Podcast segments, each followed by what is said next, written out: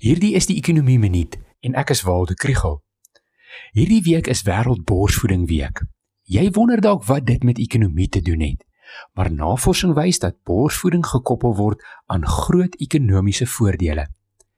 Die Wêreldgesondheidsorganisasie beveel aan dat babas eksklusiewe borsvoeding ontvang vir die eerste 6 maande en daarna saam met 'n kombinasie van ander vaste kosse tot die ouderdom van 2 jaar.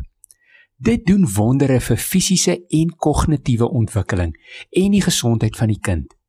Dit word geassosieer met 'n hoër IQ en eindelik bly hulle langer in die skool en verdien 'n hoër inkomste later in die lewe.